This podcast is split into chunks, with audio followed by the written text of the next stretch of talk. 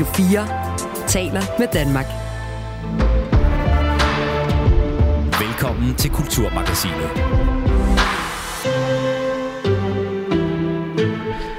Det ligner og lyder måske rigtigt, men det kan være fup, når kendte danskere bruges til at reklamere for obskure produkter på nettet. I dag handler Kulturmagasinet på Radio 4 blandt andet om fup-annoncer. Det er nemlig Kulturmagasinet, du er tunet ind på. Mit navn det er Niklas Stein, og jeg er din vært i dag. Og så er en af de meget populære serier lige nu Netflix-serien The Diplomats. Den fortæller historien om, hvordan diplomater arbejder over hele verden, men serien giver også et indblik i amerikanernes ret konservative forhold til ægteskabet som institution. Og netop amerikanernes forhold til ægteskabet skaber nogle serier, som man faktisk slet ikke ser i dansk kontekst. Det taler jeg med en USA-kender og en serieekspert om senere i programmet. Og så er der Bowie, Cohen og Cash. Og nu har den 81-årige Paul Simon også udgivet et album med sange om døden. Her fylder den religiøse en del af albumet hedder der er også Seven, so, seven Psalms hedder det. The Lord is my engineer The Lord is the earth I ran notice is the face in the atmosphere. The path I slip and I slide on. Paul Simons nye album øh, bliver i New York Times sammenlignet med David Bowies album Blackstar og Leonard Cohen's You Want It Darker. Albums, der for begges vedkommende udkom kort før de gik bort. Paul Simon han er her dog endnu, men albumet skriver sig ind i en helt særlig tendens for gamle rockmusikere, nemlig dødssange.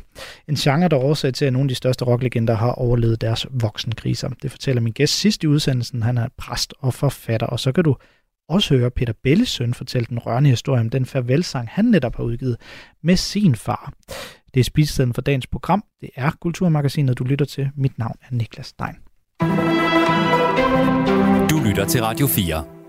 En reklame for et slankeprodukt har floreret på Facebook i den seneste tid. Jeg hedder Sofie Linde. Jeg vil gerne vise dig dette produkt.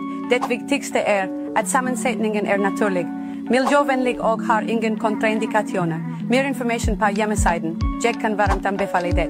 Ja, nu sagde jeg godt nok indledningsvis, at det, at det kan lyde og ligne. Øh, jeg tror ikke, øh, man skal have taget mange danske øh, timer for at godt kunne lide, at det, øh, godt kunne høre, at der er noget galt her. Men hvis du ikke lige kunne forstå, hvad der blev øh, sagt i lydbiden, ja, så forstår jeg det nemlig godt. For det er fra en annonce, hvor man kan se Sofie Linde reklamere for et slankeprodukt, hvor hendes egne billeder er manipuleret, så hun står og holder et slankeprodukt. Og så indeholder reklamen også den video, som vi lige hørte en bid af her, hvor en meget robotagtig stemme, tror jeg godt, jeg kan kalde det, fortæller dig, at du skal købe det her øh, slankeprodukt, for det virkede for Sofie Linde, siger den altså øh, falske oplæser. Vi har i de sidste par år set flere af de her reklamer, hvor kendte mennesker lægger ansigt til noget, som de slet ikke selv har indvillet i. Men vi har ikke engang set toppen af isbjerget endnu, for om nogle få år øh, kan du måske ikke engang regne med, at når du tager telefonen og genkender, at det er dit barnebarns stemme, ja, at det så rent faktisk også er dit barnebarn, der ringer til dig og beder om en øh, skilling, eller hvad de nu kunne finde på at øh, for, øh, bekymre dig med. Nu kan jeg sige velkommen til Christiane Vejlød, øh, trendanalytiker hos Elektronista øh, Media. Velkommen til Kulturmagasinet, øh, Christiane. Tak skal du have. Hvorfor kan vi komme til at se flere og flere kendtes ansigter blive misbrugt i forbindelse med annoncer for produkter, som de jo slet ikke selv har indvildet i at være med i? Jamen det kan vi, fordi man kan rent teknologisk. Og nu sagde du godt nok i starten, at det var om få år, men jeg vil sige, at teknologien er der altså allerede nu. Det er jo med øh, forskellige kunstig intelligens platforme, at man kan tage menneskers billede og måske en lille bid af deres stemme. Det er jo nemt at finde på en lille video på Instagram. Og, øh, og vi deler jo efterhånden også en del om, om os selv, både, både billeder, video og stemme. Og det kan man så simpelthen skabe en, en kopi, man kunne sige en hånddukke af et menneske. Og, øh, og det kan jo selvfølgelig bruges øh, både for sjov og i satiriske sammenhænge, men altså det kan jo også bruges øh, på den måde, at man kan bruge det til at snyde. Altså for eksempel lad en Mads Mikkelsen reklamere for bitcoin, hvor det ikke bare er et billede, men hvor det rent faktisk er personen, ligesom Sofie Linde-sagen. Man er så realistisk, så det virkelig både lyder og ser ud som den her person. Og det er problematisk, fordi vi kan faktisk ikke rigtig stole på, på hverken vores øjne eller vores ører mere på internettet. Hvorfor tror du, det ender med at virke på nogen af os? Jamen, jeg tror, det ender med at virke på mange i forskellige situationer, fordi det kommer til at være ekstremt realistisk. Altså, det er ikke en teknologi, der er ude i fremtiden. Det er en, en teknologi, der findes nu. Øh, man kan lave også totalt fotorealistiske billeder af personer, som aldrig har eksisteret. Så det kunne sådan set også godt være en, en øh, sympatisk, tillidsvækkende person, der, der kontaktede dig og sagde, at de ringede fra din bank, eller, øh, eller noget andet, og så øh, øh, kigger du på dem og, og, og lytter til dem, og synes, de lyder øh, super fornuftige. Og du mister lige forbindelsen til øh, Christiane Vejlø. Jeg tjekker lige, om hun må øh, komme med igen. Øh, det lyder ikke sådan, men vi skal også lige høre et andet klip, så lad os bare tage det med det samme for en anden person, der også har fundet sit ansigt øh, reklamere for et øh, slankeprodukt. Det er tv-verden Mette Blume Rig. Vi ringede til Mette Blume i sidste uge, og en lidt, på en lidt skrættende forbindelse desværre, øh, for at høre, hvordan hun blev opmærksom på, at hendes ansigt blev brugt til at reklamere for et slankeprodukt. Lad os lige høre, hvordan øh, det lyder her det var egentlig ikke noget, jeg selv blev eksponeret for, men pludselig øh, begynder jeg at modtage en masse beskeder fra mine følgere på øh, sociale medier, at de har set det på henholdsvis Instagram og på øh, Facebook. Altså, at, øh, at de her reklamer, de kommer frem med, øh, med, med billeder af, af mig, og så gør videoer jo, øh, jo også. Ja, så sent som for, så sent som for øh, to minutter øh, siden, der var der endnu en følger, der skrev, at hun øh, lige har set det komme op på, på Instagram igen. Så det er i hvert fald ikke noget, de, øh, det er ikke noget, de er stoppet med, på trods af, at, at vi ja, har været ude og være offentlige omkring det nu. Og selvom billederne og videoerne, som er blevet øh, sendt øh, til, til, til mange forskellige, ser, ser meget redigeret ud, ja, så vækker det alligevel en masse følelser i, øh, i hende, fortæller Mette Blumerik. Jeg bliver da vred. Jeg bliver vred. Jeg synes, det er øh, ualmindeligt ja, frægt og ulovligt og, og dårlig stil. Og så det ydermere helt fuldstændig ubehjælpsomt lavet. Og bare en dybt krænkende på en eller anden måde. Altså, hvad, hvad i alverden bilder de sig ind? det, det er jo det er mit, mit brand, kan man sige, mit ansigt, som, øh, som pludselig står øh, og, og er afsender og eksponent for noget, som jeg på ingen måde kan stå indenfor, og som øh, højst sandsynligt er intet andet end fup og svindel. Og det vil man da ikke, det vil man da ikke være ansigt på. Jeg kan da godt blive skræmt, fordi jeg tænker, der er nok ikke så mange, der, der kender mig, der, der, der tror på, at jeg for, for fire uger siden vejede øh, 20 kilo mere.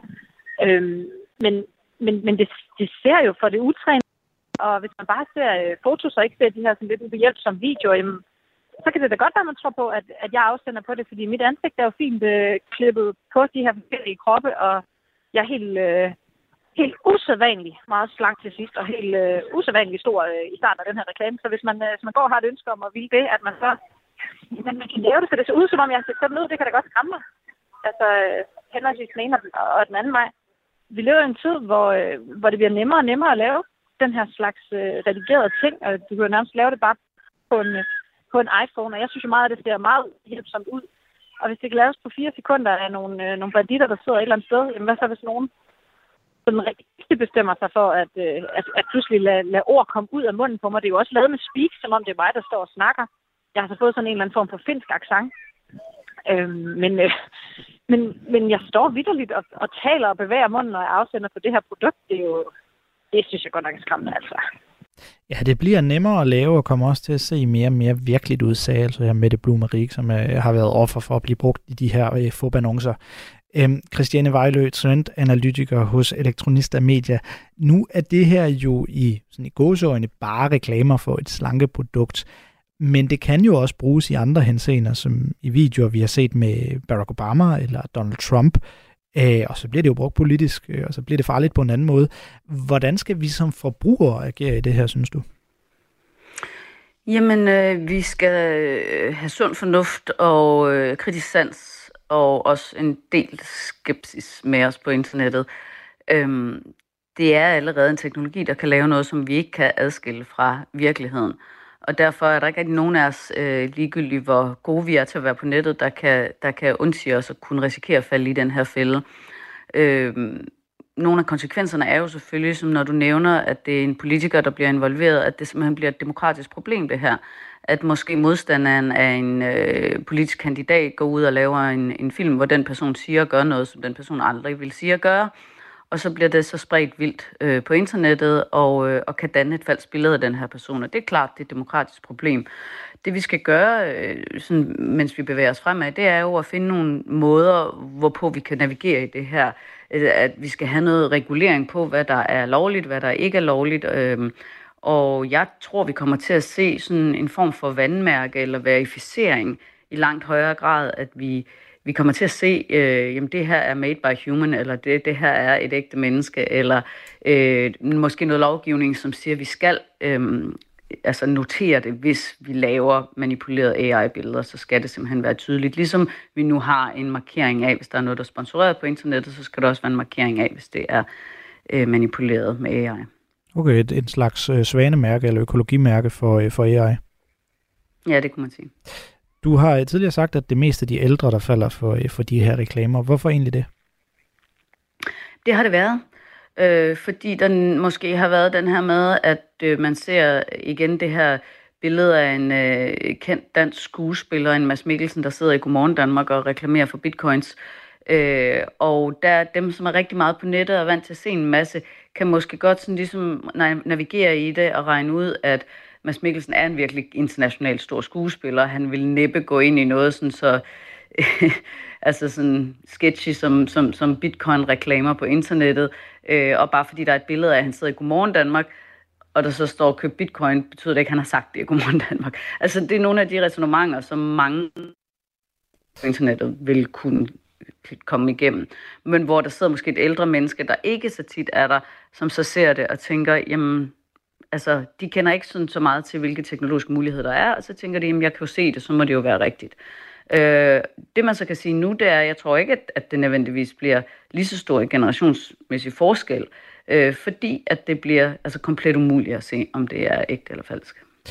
Lad os lige høre et klip mere fra øh, Mette Blumerik, øh, som er kendt fra en masse forskellige øh, tv-programmer som vært, øh, som altså er offer for det her med, at hun er blevet brugt øh, som ansigt i øh, annoncer hun slet ikke har indvillet i at være, være med i. Øh, for Mette Blumerik, hun kalder øh, på, at der skal simpelthen gøres noget ved det her. Vi ender jo der, hvor vi, man tror jo ikke sine egne øjne. Man kan ikke tro sine egne øjne. En ting er, at vi jo i lang tid har skulle øh, øge vores kritiske sans og vores kildekritik og lige tjekke, hvor kommer de forskellige oplysninger fra. Men, men nu skal vi nu skal vi også, nu skal vi også til at være mistroiske over for vores egne øjne. Man plejer at sige, det vil jeg se, før jeg tror det. Men vi er jo i en tid, hvor, hvor det ikke engang er nok at se det, før du tror det. Fordi du, du kan jo du kan få hvem som helst til at sige hvad som helst.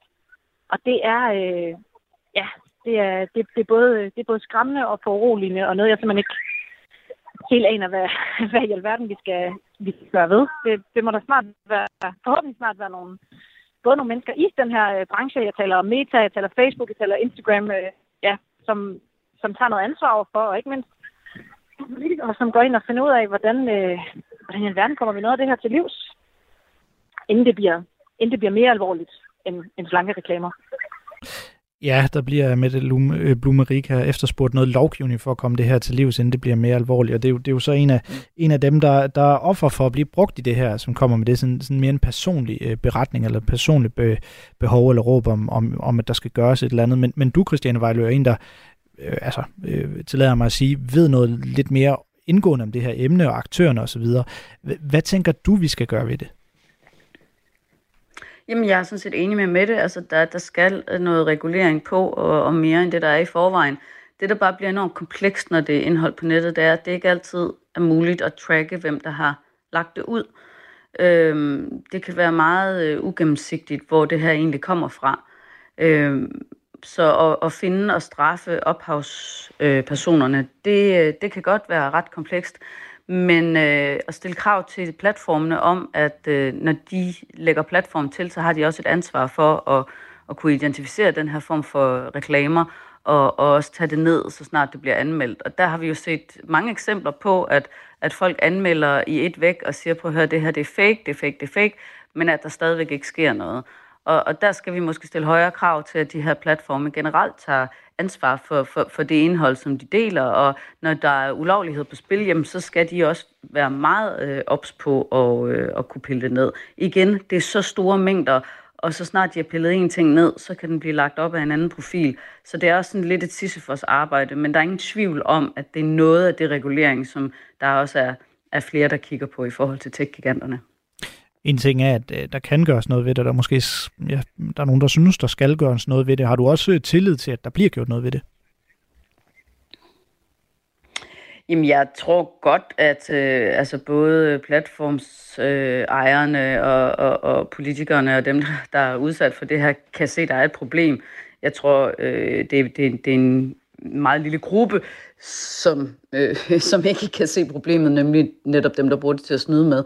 Men, men det vi skal tænke på, det er jo den samme teknologi, som man kunne bruge til at lave ja, altså spændende billedgenererede, altså AI-genererede billedværker og, og alt muligt andet. Så det er jo ikke sådan, at man bare kan gå ud og, og forbyde teknologien. Øh, den kan jo bruges til alt muligt, og den kan jo som sagt også bruges for eksempel i, i satireøje med. Så øh, altså, hvis uh, Ulf Pilgaard har spillet dronningen på Cirkusrevyen, så vil uh, en AI måske spille Ulf Pilgaard, der, eller spille dronningen, som ligner dronningen mere. Ikke?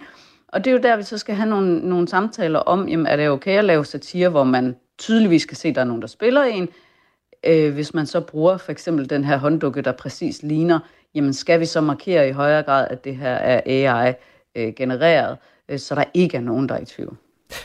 Mange tak for indsigten, Christiane Vejlø. Det var en fornøjelse. Som altså er medieanalytiker hos Elektronista Media. Og Mette Blumerik kan lige her afslutningsvis sige, har sammen med uh, Sofie Linde valgt at politianmelde de annoncer, som de uden samtykke er blevet brugt i. Du lytter til Kulturmagasinet på Radio 4. Det er lige, hvad du gør, og nu skal programmet handle om Netflix-serien The Diplomat. Welcome to London, Ambassador Wilder. Call me Hal. I'm the ambassador's wife. My husband was an ambassador for a long time. This will be an adjustment. You need to lean into the Cinderella thing. I'm not doing this the way you would. That's fine, just don't do it wrong. Ja, jeg har hørt min bid fra serien The Diplomat, som ligger på top 10-listen over mest sete på Netflix lige nu, mens den også i information er blevet udråbt til en af de mest interessante serier lige nu. Serien bliver rost for sit fokus på, hvordan diplomatiet arbejder i hele verden, men den giver altså også et helt unikt indblik i amerikanernes særlige og måske også lidt konservative forhold øh, til øh, ægteskabet som institution. Det mener mine gæster i dagens udsendelse. Den første, det er dig, Jonas Parello Plesner, direktør i Alliance of Democracies Foundation og tidligere dansk diplomat og afdelingschef på ambassaden i Washington. Først lige øh, et ordentligt velkommen til dig, Jonas. Jamen tak. Tak for at have mig med. Vi skal tale videre om, hvordan øh, den her serie også giver os et spejl på nogle ret store kulturforskelle på USA og Danmark, når det handler om ægteskabets betydning i politik. Men inden vi lige dykker ned i det, så lad mig lige oprids øh, seriens handling, så alle os øh, dem, som ikke har set den, mig selv inklusive i øvrigt, også lige er med. I The Diplomat, der møder vi seriens hovedperson, Kate Weiler. Hun er en embedskvinde med dyb erfaring fra verdens brandpunkter, og hun er på vej til en udstationering i Kabul, da et britisk hangarskib angribes, angribes med over 40 engelske soldater stød til følge, og det udløser så en international krise. Derfor bliver hun sendt til den ledige post som amerikansk ambassadør i London, hvor hun skal prøve at redde verden fra en tredje verdenskrig. Med sig på slæb har hun sin mega irriterende mand Hal, som ellers altid har været karrieremanden af de to, men som nu skal finde sig i at spille en rolle i baggrunden. De to stod egentlig til at gennemføre en skilsmisse, men fordi Kate nu også er udvalgt til en shortlist som mulig vicepræsident, så kan hun ikke blive skilt. Og det her plot er så samtidig det dramatiske holdpunkt, der øh, gør, at hun kan blive fanget mellem to mænd. Hendes til tider er irriterende, men samtidig lidt bad boy appellerende mand, og så den høflige og tildækkende, øh, tiltrækkende britiske politiker på den anden side. Jonas Parello Plessner, direktør i Alliance øh, of Democracies Foundation, og som sagt tidligere dansk diplomat og afdelingschef på ambassaden i Washington. I mine danske ører, der virker det jo som et lidt spøjst, øh, øh, hvad kan man sige, lidt, lidt, lidt spøjst det her med, at handlingen kun fungerer, fordi den kvindelige hovedkarakter simpelthen ikke kan blive skilt. Er det overhovedet realistisk, det her med, at den amerikanske diplomat ikke kan blive skilt? I hvert fald det er jo en ret stor forskel fra den måde, USA er struktureret i forhold til os. Hos os, øh, statsminister Mette Frederiksen, hvad hedder hendes mand? Øh, jeg er faktisk lige selv i tvivl. Ikke? Altså, det er jo ikke noget, vi går op i på den måde i forhold til vores danske politikere. I USA er det særligt, når vi taler om altså posten som vicepræsident, som jo er den, hun i, i serien er, er mulig nomineret til. Der, der betyder noget at have en familie. Øh, de amerikanere ser på deres præsident og vicepræsidenter lidt ligesom vi andre måske har det med kongehuset, kan man måske sammenligne det med. Der skal ligesom være en familie bag, og det er en hel familie, der er, der, der er del af det. Ikke? Man har en, en first lady, som det jo altid har været, hvis det er præsidentens, øh, fordi det kun har været mænd indtil videre. Og, øh, og det er ligesom en del af pakken, og, og man ser meget, meget få eksempler på, øh, på præsidenter eller vicepræsidenter, som har været, været skilt. Øh, og, og det er ligesom en del af amerikansk kultur, så på den måde er den del sådan set øh, realistisk nok. Måske ikke hende kun som diplomat, men hvis hun skal tage springet op til at være vicepræsident i, øh, i serien, så kræver det, at man har en, en helt støbt familie ved sin side, og man ikke er fraskilt. Hvad er det, altså hvilken opfattelse har man i USA af ægteskabet sådan helt generelt? At det er en vigtig øh, funktion stadig i samfundet, men det er selvfølgelig endnu vigtigere på nogle af de her poster i, i toppen af det amerikanske øh, samfund, særligt som øh, præsident og, og, og vicepræsident. Øh, men der er en, USA er øh, grundlæggende, øh, USA er stort, så det selvfølgelig afhænger meget af, hvad for en, en stat og alting du også er, men USA går mere op i ægteskabet som, som institution og, og også familieværdier som en, en politisk værdi. Øh, så det er jo også igen noget af det, du ser, ser afspejlet i, øh, i serien her. Hvordan, øh, men, altså, ja, hvordan kan det være, det er sådan? det er en blanding af, af, kan man sige, måske noget, noget religion. Øh, USA er også et mere religiøst øh, samfund på, på mange måder end, end det danske. Så noget konservatisme, øh, hvad hedder det også, som man måske ikke sammenhængt med det. Og så den tredje faktor, altså lige omkring de her top Øh, institutioner. Det er ligesom der, hvor man gerne vil have en person, som ikke bare er der som enkelt individ, som præsident eller vicepræsident, men også en, der er der med en hel familie, ikke? og igen minder lidt om måske et kongehus hos os i, i Europa, ikke? at man siger, at det er Barack Obama og Michelle Obama, man tænker på, det er Joe Biden og Jill Biden. Man ved ligesom, hvad deres hustruer også hedder, og det er ligesom en del af hele præsident- eller vicepræsidentpakken. Vi har her på Kulturmagasinet også talt med serieekspert Claus Nygaard Petersen fra Vi Elsker Serier, og han peger på, at det ikke er første gang, vi ser den her type plot, altså et plot, der handler om det samarbejdende ægtepar, som ikke kan øh, blive skilt i amerikanske serier. Lad os lige prøve at høre, hvad han siger her. Man kender den her dynamik, som bliver præsenteret i det diplomat. Det kender man fra flere amerikanske serier og film. Blandt andet så har vi The Good Wife, hvor øh, hovedrollen Alicia Frolic, hendes mand, er gået nedenom med en skandale, og nu er hun nødt til at komme tilbage på arbejdsmarkedet for at rådføde familien. An hour ago, I resigned as state's attorney. I need to atone for my personal failings with my wife, Alicia, and our two children. You're right. Two months ago, Peter Florek was sentenced to 10 years for bribery and corruption. Netop fordi, at hun er i sådan højt politisk embede, så kan hun ikke lade sig skille. Fordi igen, det skaber en skandale, og amerikansk politik, både i virkeligheden og i fiktion, den er så firkantet, at hvis du gør noget i dit privatliv, som ikke er helt i orden, eller sådan moralsk udfrakommende set, bliver set, bliver set som noget dårligt, så bliver det straks påført til, hvordan din karriere også er.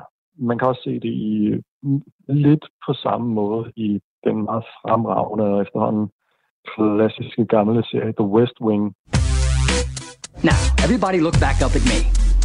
I'm making chili for everyone tonight. That's great! For God's sake, This is a girl, Charlie. You don't have to call her man. You're very sweet sometimes, you really are. Hvor præsidentens øh, hustru først ret sent i serien begynder at melde sin ankomst, men netop som sådan en politisk partner, selvom der også er et meget, meget kærligt ægteskab, det bliver etableret, etableret mange gange, men også er den her hjælper til at styre, hvem end det er, der er den politisk aktive. Fordi, som jeg ser i The Diplomat, så er det nu Kate, den politiske aktive.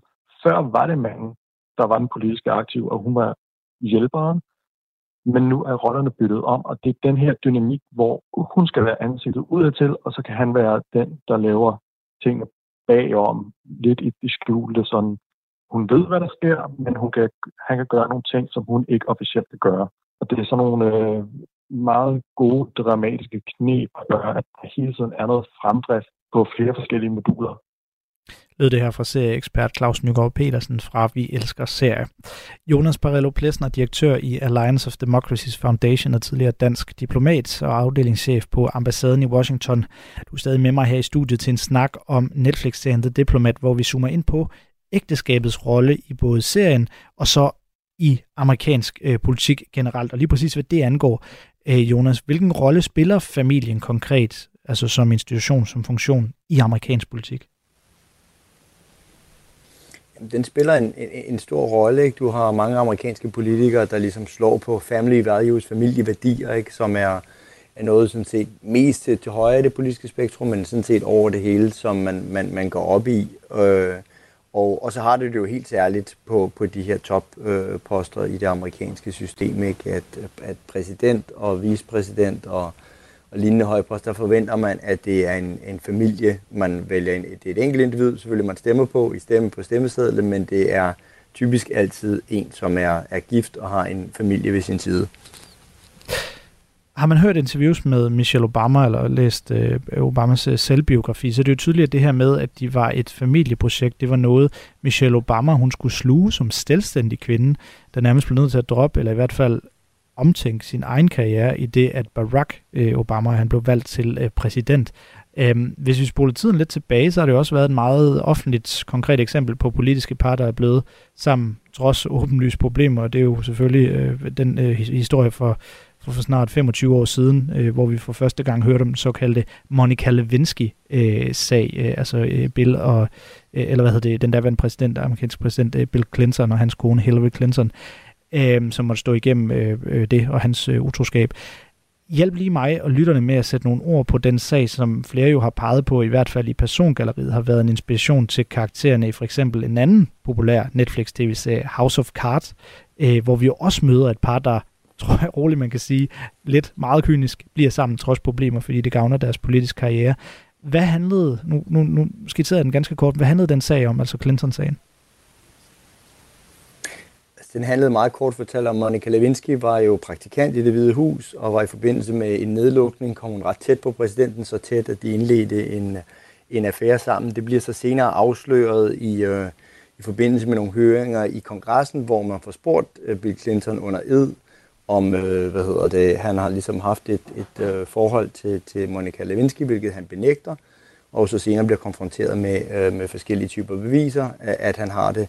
Øh, og altså det interessante, kan man sige, i forhold til det her, jeres grundspørgsmål omkring øh, familieinstitutionen i USA, er jo sådan set, at Hillary bliver øh, sammen med ham, på trods af, at de selvfølgelig nok må have haft en relativt svær tid i deres ægteskab, og også, at det, det nok betyder ret meget, at den impeachment-sag, der er mod Clinton, som aldrig går igennem i senatet, at, øh, tænker jeg, og tror jeg, en del analytikere vil mene, at hvis Hillary var gået fra ham på det tidspunkt og havde trukket stikket og, og blevet skilt, så havde det også på en helt anden måde været, at Bill Clinton havde været endnu mere stikket og, øh, og ville have haft svært ved at, at klare sig igennem den her øh, rigsretssag, øh, som man kan oversætte det med til dansk, ikke? impeachment i den amerikanske kongres. Så også der betyder ægteskabet, og det at blive i det, øh, på trods af svære vilkår, øh, rigtig meget i amerikansk politik.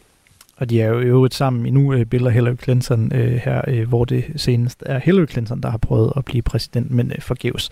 Vi skal også lige høre igen fra øh, serieekspert Claus Nygaard Petersen fra Vi Elsker Serier. Han peger på, at man i dansk kontekst faktisk finder flere politiske serier, der peger på, at skilsmisse er en helt gangbar, øh, gangbar vej i politik, og det ser man jo i for eksempel øh, den politiske dag serie over Malle Borgen, forklaren. Altså, vi, har set, vi kender jo, hvordan det går i de fleste amerikanske serier, når sådan noget her bliver skildret. Det er, at øh, ægtepar næsten altid bliver sammen. Anderledes forholder det sig jo i danske tv-serier. Altså, Borgen, som er den her politiske serie, skabt af Adam Priser, der er der jo meget mere relaterbart. Vi har vores hovedperson, Birgitte Nyborg, som får den her komikkarriere til lige pludselig at blive statsminister.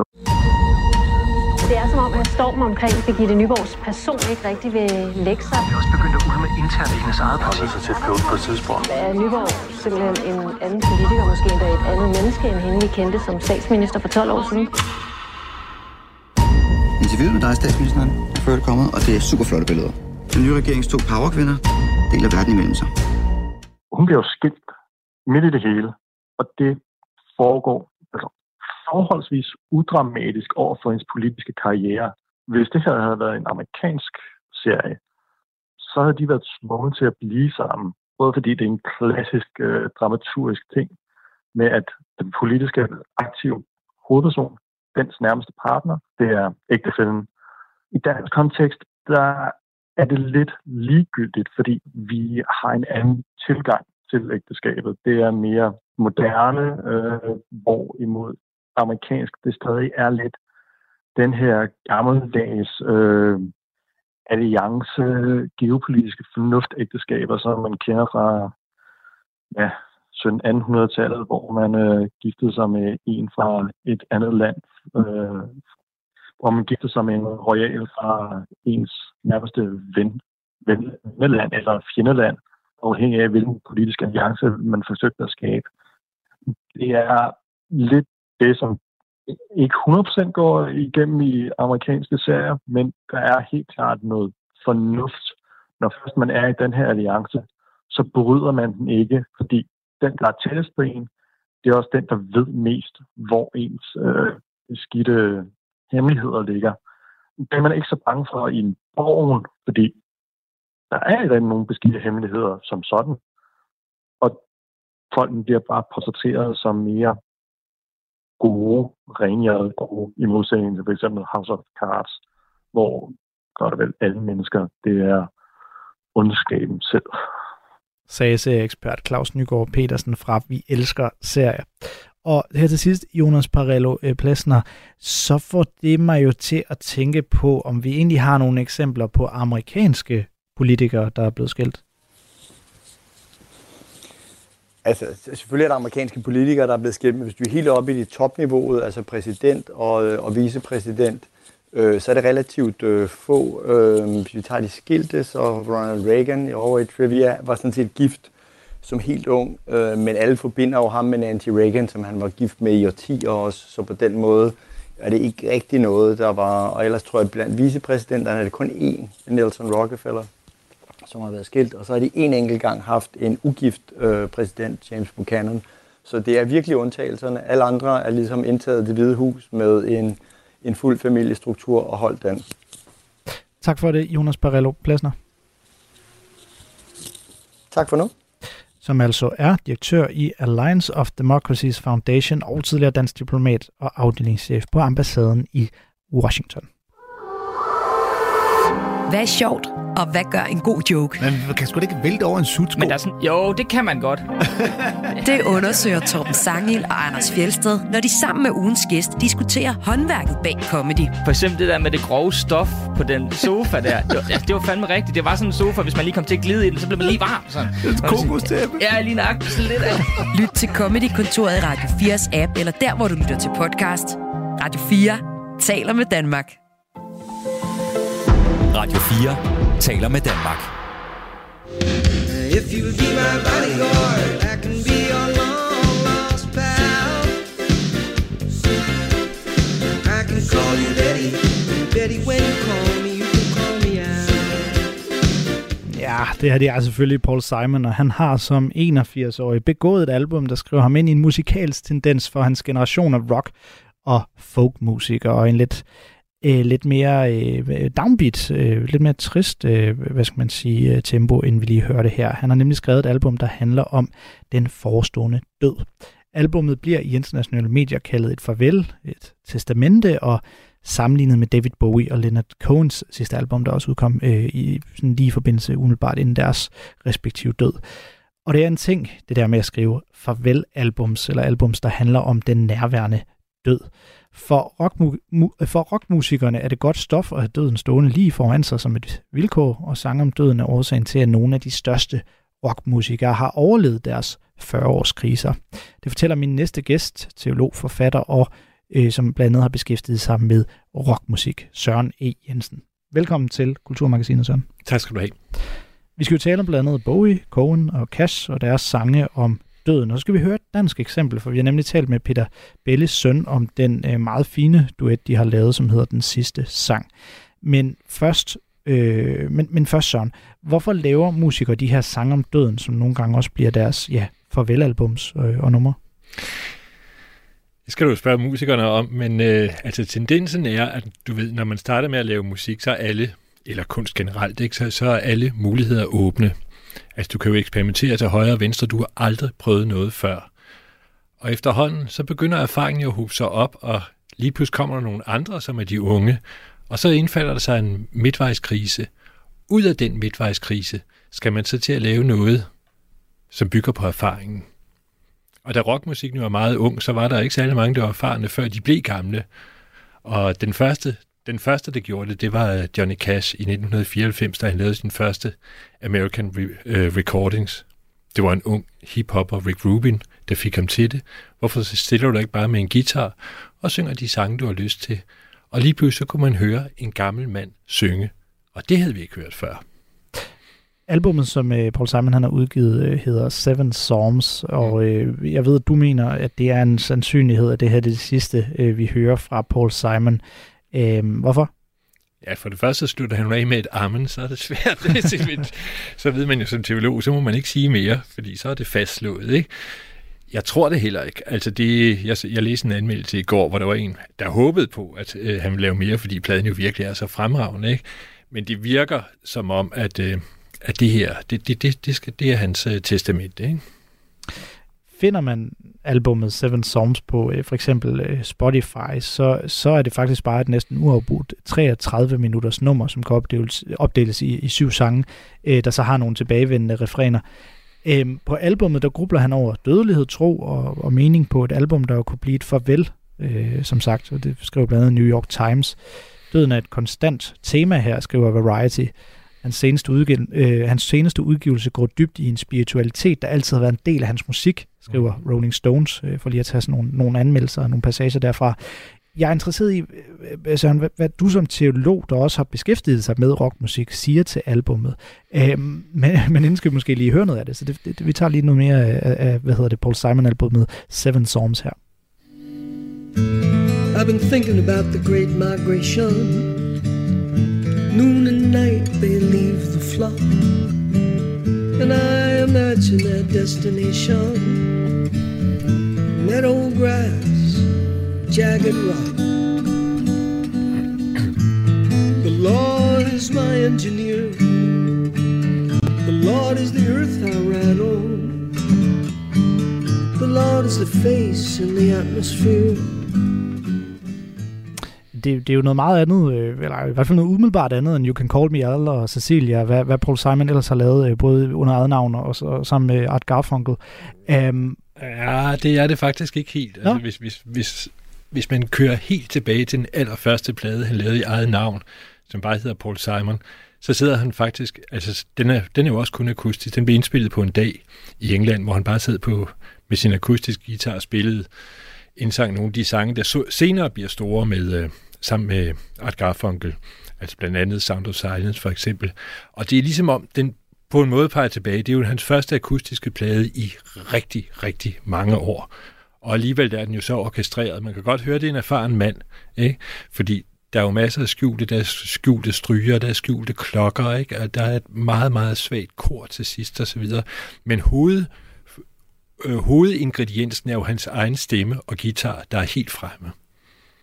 Hvordan synes du så, han lykkes øh, med det her album, og, og som jo dermed er, er Paul Simons sang om, om livets slutning? Hvordan synes du, han ender med at lykkes?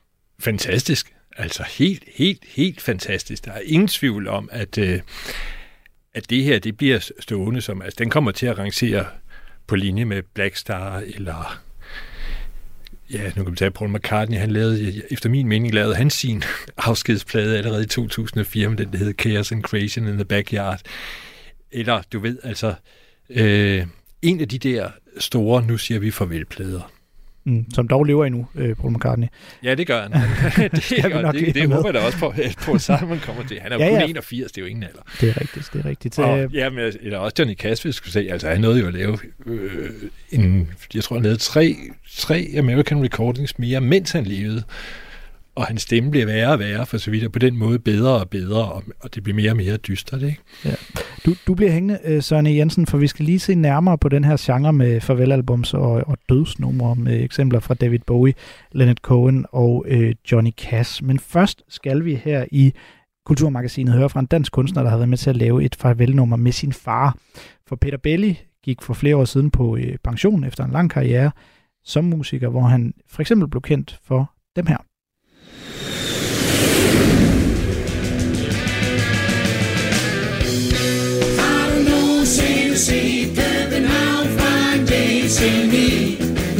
Hvad end der sker, vi væk fra vort kvarter. Hun hedder Leila, og hun er danser. Hun er rigtig meget ud i sit disco dansesbrud. Ja, nummerne København bliver væk fra vort kvarter, og i vildeste gade.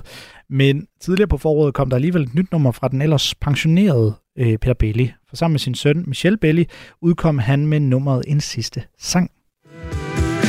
Lyset brænder ud, og natten den bliver ved, og tanken går i stå, så er det helt okay, for publikum var med, og stemningen var høj, og sættet det var langt, der er altid en sidste sang. Hans sidste sang, som nummer altså hedder, kommer fra Peter Bellis søns band, der hedder Den Syvende Søn. Men det var Peter Bellis egen idé at lave nummeret, selvom han var gået på pension i 2017. Det fortæller Michelle Belli her.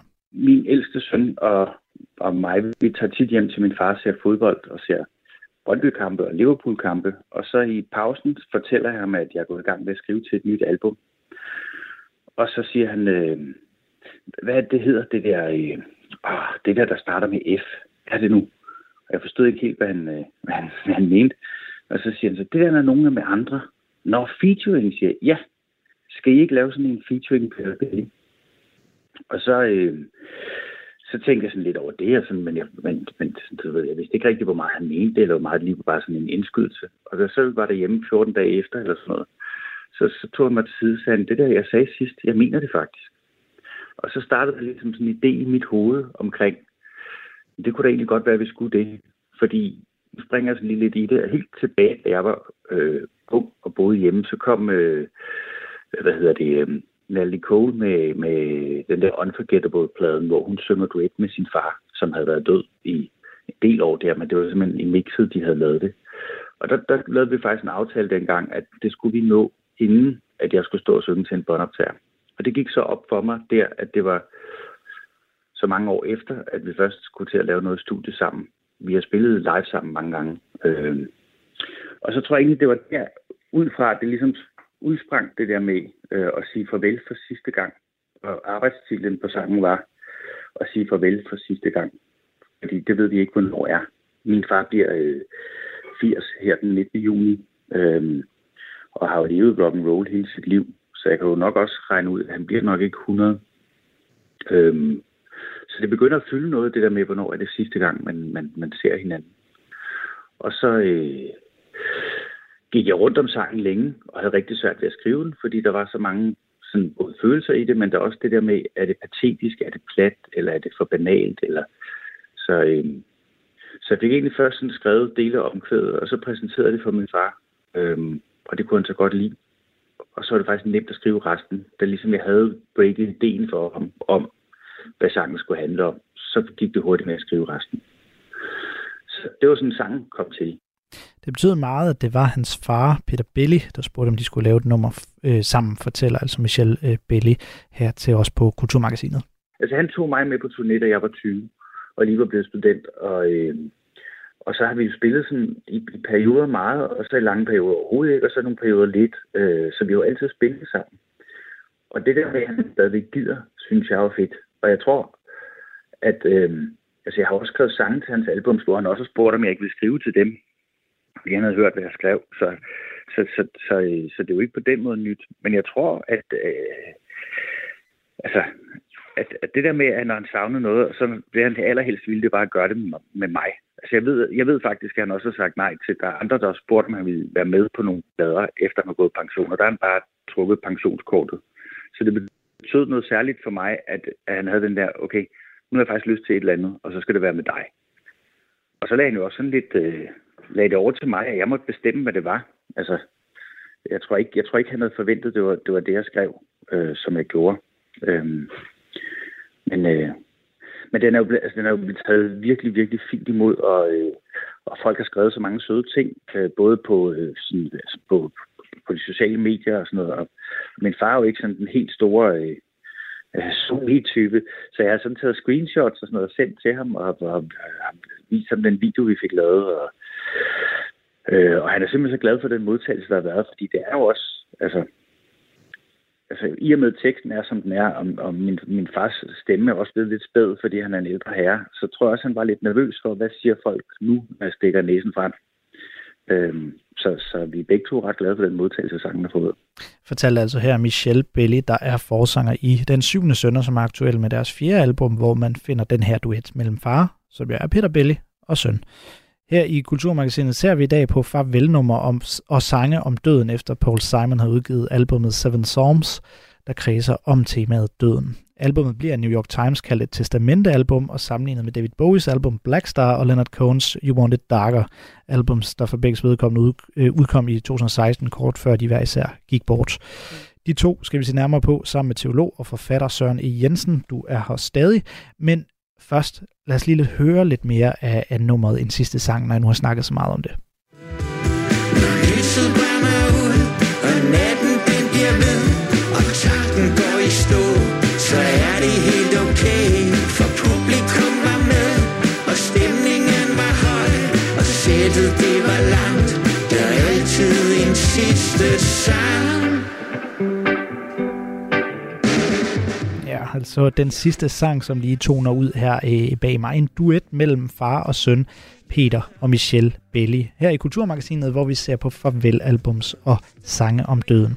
Noget, som min gæst, teolog og forfatter Søren Jensen indledningsvis forklarede, er en tendens i rockmusikken. Og Søren, du forklarede, at fløjten med døden gør sikre, øh, at kunstnerne, eller kan sikre, at, at kunstnerne holder sig relevante. Hvordan det egentlig? Jeg ved ikke alt det, jeg ved ikke om det, altså det, altså det med døden ligger jo i, altså i alt autentisk kunst, så siger man jo, at det, at det, at døden altid er en medspiller, hvis et værk virkelig lykkes. Altså, hvis du tør at se døden i øjnene, så føler du også ekstra meget i live, kan man sige sådan frasagtigt, ikke? Og det er jo også noget som, øh, altså rockmusikken, den unge rockmusik, flyttede jo også med, du ved, at, øh, at jeg, man skal leve intens nu, ikke? Altså, og jeg vil gerne dø, ligesom The Who sang. Altså, jeg vil gerne, jeg håber ikke, at jeg bliver 30 år, og så videre, ikke? Og det blev de jo så heldigvis også. De laver også stadigvæk musik, de to, der er tilbage af bandet, ikke? Øh, når man så bliver midalderne, så er det så er det jo så, det sker, jamen hvad, hvad så, ikke? Altså, så, så er der ikke rigtig, jamen så er der ikke rigtig det, nu bruger jeg et slidt ord, den kunstneriske nødvendighed længere. Man er med etableret, og man har børn, og man har det ene og det andet. Og når man så bliver ældre, så har man både erfaringen plus et mere konkret forhold til døden, fordi den jo altså af gode grunde står lige for døren. Og det kan der altså åbenbart skabes rigtig, rigtig god kunst ud af. Har du nogle eksempler på, øh, altså nogle yderligere eksempler på nogle kunstnere, der simpelthen har holdt sig mere relevante, fordi de, øh, de, de synger om at flytte med døden? Jamen, det kan, jeg ved ikke, om det er, det er flytte med døden, men altså, der er i hvert fald, øh, altså hvis man kan nævne en, som også hurtigt kom med på banen af de ældre i 90'erne, det var jo Bob Dylan, der lavede Time After Mind. Han var 56, han var yngre end jeg er nu, men øh, dengang synes jeg, at han var et særdeles gammel røvhul. Men det, det handlede jo netop om, at den der, han var blevet ældre, og i hvor han dog savnede ungdommen, ikke? og det slutter af med et 16 minutter langt nummer, der hedder Highland, som både kan være de, øh, det skotske højland, men det kan ved Gud også være, være himmerige. Ikke? Øh, det er efter min mening også, er, altså det er den seneste rigtig, rigtig, rigtig gode øh, Dylan-plade, selvom han har lavet smadret meget, altså lavet meget godt siden, så, så er det virkelig altså en af de store i hans produktion. Herhjemme kommer vi ikke udenom øh, uh, Nils Skovsen, for eksempel, ikke? Som, uh, som jo, han var en af dem, der tog midtvejskrisen ganske alvorligt og holdt simpelthen en kunstnerisk pause i 23 år, mener jeg det var, og kom først tilbage i 2001 med den plade, der hed Dobbelsyn, og har så lavet utrolig mange plader, 5-6 stykker, tror jeg efterhånden, han er oppe på. Og, han, og de, de kredser i stadig stigende grad om døden. Han nærmer sig jo også de 80 nu, øh, Niels Skovsen. Mm. Dem jeg gerne ville have haft, jeg ville jo enormt gerne have haft et Otto Brandenborg. Jeg kan huske, øh, jeg foreslog en pladeproducer faktisk, for fat i Otto Brandenborg. Han må da kunne lave noget inden for den her genre, altså hans stemme lå virkelig til det, men, men øh, han havde forsøgt faktisk, den pladeproducer, at snakke med, men Otto Brandenborg ville ikke være med. Mm.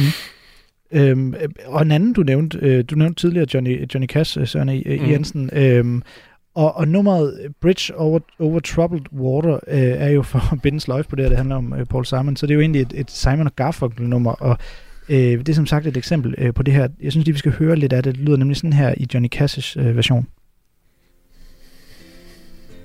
And friends just can't be found like a bridge over troubled water. I will lay me down like a bridge over troubled water. I will lay me down.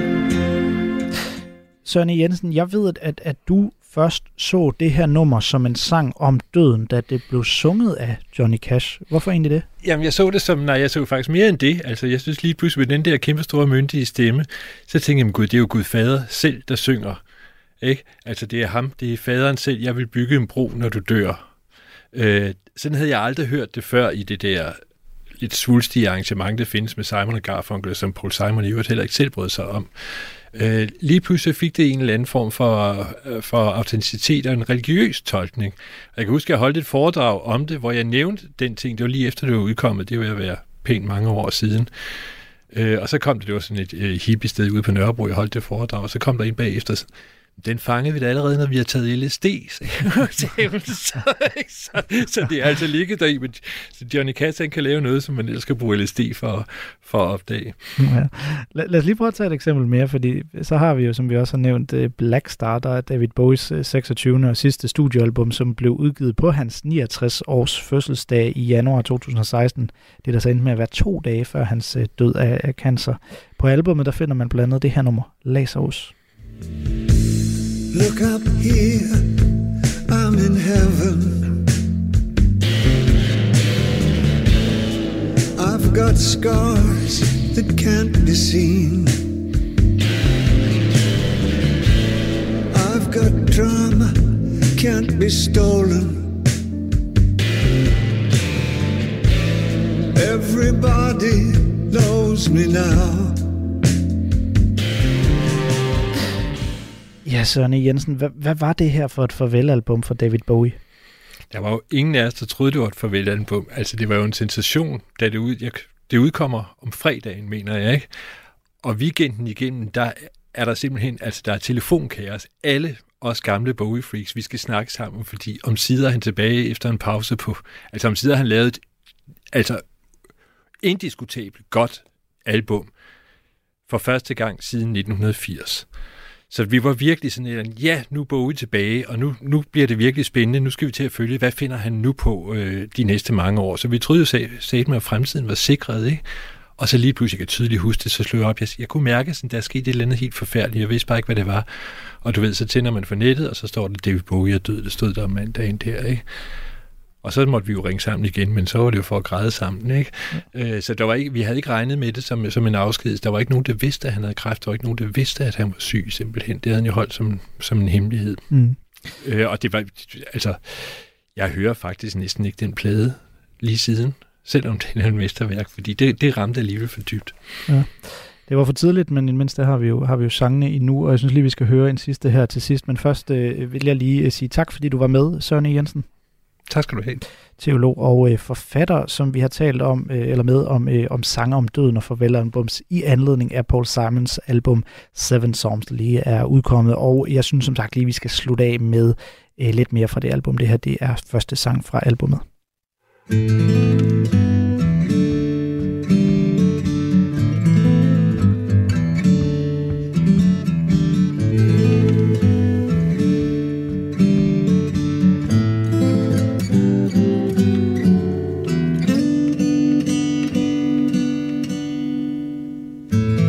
I've been thinking about the great migration.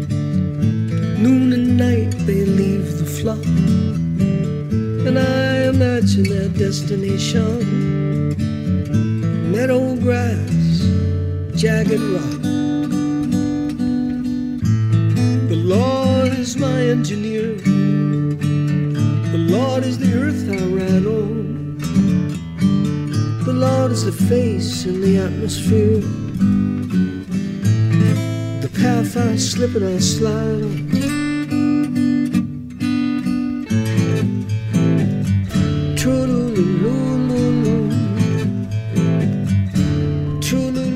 Paul Simon med Seven Psalms, som vi i dag har snakket om i Kulturmagasinet på Radio 4, som snart er slut. Lige om lidt, der kan du høre hele programmet i Radio 4's app, eller der, hvor du finder dine podcasts. Lene Grønborg Poulsen og Søren Berggren Toft har været med til at lave dagens udsendelse, og mit navn er Niklas Stein. Om lidt er der lidt nyheder, og så kan du høre missionen, og så er Kulturmagasinet ellers tilbage igen onsdag kl. 14.05. Og skal jeg ikke lige give det sidste ord, de sidste 15-14 sekunder til Paul Simon. Silver moon to smooth the edge of daylight.